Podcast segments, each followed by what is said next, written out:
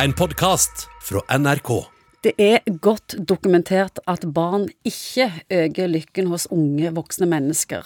Så mye som 70 mellom om nedgang i lykke de første to årene etter at de fikk barn. For selv om barn gir mange gleder, så fører det med seg mange kostnader, både for ekteskap, karriere, lommebok og fritid.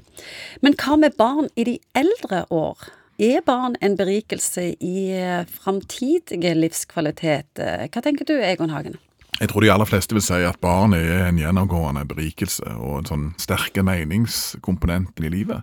Mange tenker at det å få barn er en sånn grunnleggende ting. Mange gjør det på autopilot. Ja, ja, det, Du skal ha barn, det er ikke noe å lure på. Du skal ha en utdanning, du skal ha en plass å bo, og du skal ha barn.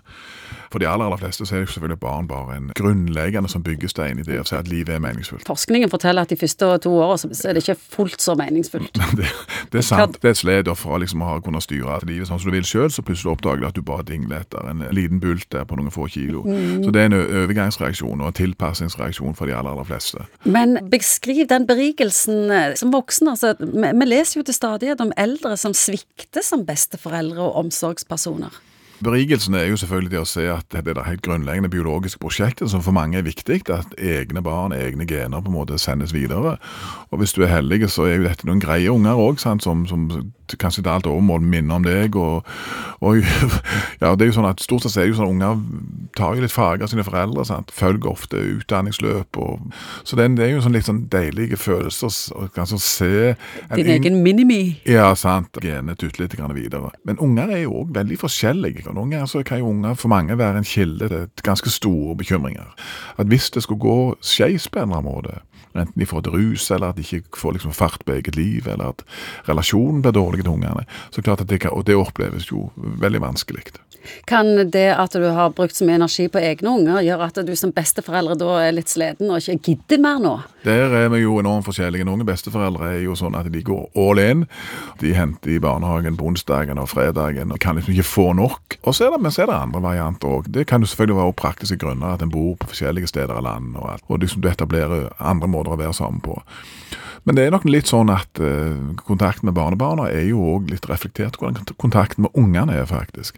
Har du en god kontakt med ungene, så er det selvfølgelig mer nærliggende òg at du får en god kontakt med, med barnebarna. Hva betyr det da, at det er flere som sier at besteforeldrene svikter?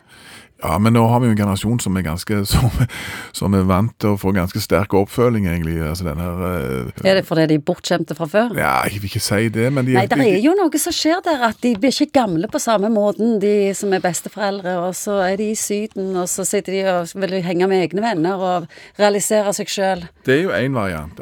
Sant? Før i tida, når du var besteforeldre, så satt du der og venta på barnebarna og ungene, og nå er det liksom annerledes. At folk drar jo liksom dette aktive livet langt ut i 70-80-årsalderen, faktisk. Og har egne ting på tapetet og sitter ikke bare og venter og håper at barnebarna skal dukke opp. Og det er jo en ting som liker ganske godt, at de eldre er så aktive. Det er noe av de ting jeg liker med samtida vår, at det er større åpninger egentlig for å velge seg egne liv som, som passer kanskje de forskjellige familiene bedre. Og til nå så har det vært en brei oppfatning at barnløse, altså eldre barnløse, lever mindre meningsfulle liv i alderdommen og ender opp som ensomme og deprimerte. Men nå viser undersøkelser, eller avkrefter undersøkelser dette fullstendig, at, at folk holder på, som du sier. De lever og ferierer og koser seg uten barnebarn, så det er alle fasettene der. Ja, og så er det vel litt grann du kan si at okay, du har ikke barn, men da tror jeg at inngangen eller bakgrunnen for deg er nok ganske styrende for hvordan du opplever det. Hvis dette er et bevisst valg for deg sjøl, så er det nok litt annerledes enn om du opplever at du ikke kan få barn, og du ønsker inderlig barn. For det er jo det mye en gang lag sånn at det vi ikke får, kan det vil få, vi ha, det. det vil vi i hvert fall ha. sant? Og da, så Forløpene kan nok være ganske forskjellige, tror jeg, versus om det er frivillig eller ufrivillig barnløshet. Livskvalitet er individuelt. Det er individuelt, men, men det går an å snakke om det i, internt i familiene, hva er greit. For noen ganger så kan jo barnebarn ha forventninger som ikke henger på greip. Og Da kan det jo være greit at de òg får en liten sånn en kalibrering i forhold til forventninger. Det er mye elendighet som ligger i feil forventninger, vet du. Sant? Sånn at uh, de forventningene kan jo justeres. Og så kan det bli ganske greit. Du har hørt en podkast fra NRK.